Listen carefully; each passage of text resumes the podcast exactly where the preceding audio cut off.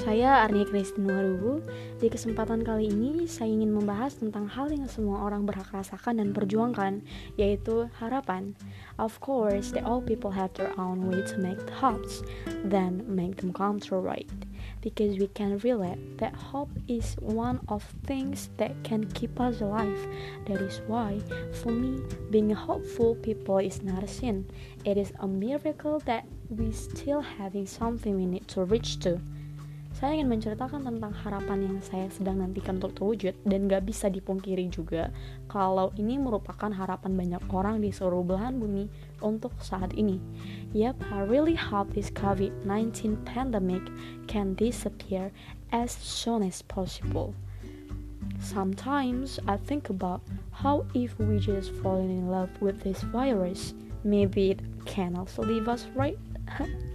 well, well, I'm just kidding about that. So, right now, let's get started to the topic. Do you guys even remember the last time you hang out without being worried about the virus that can be appear around you? Isn't it tragic to know that we cannot do the things that we want to as usual because of this pandemic?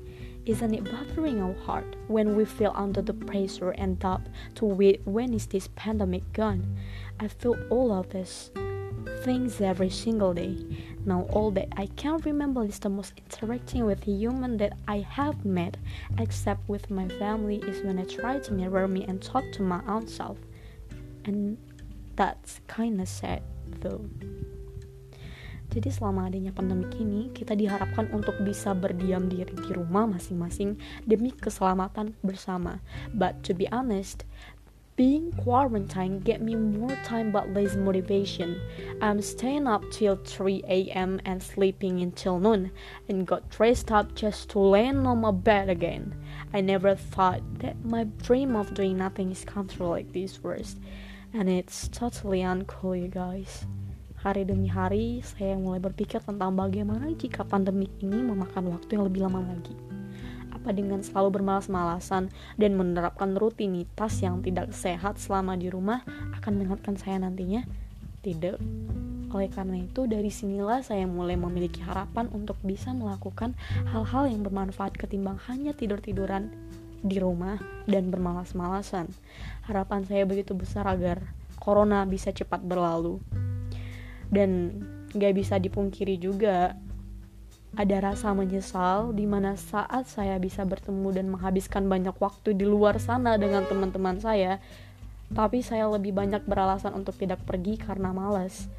Now I really need to see those people I love, and I swear that I will give a yes to my friends when they ask me to hang out.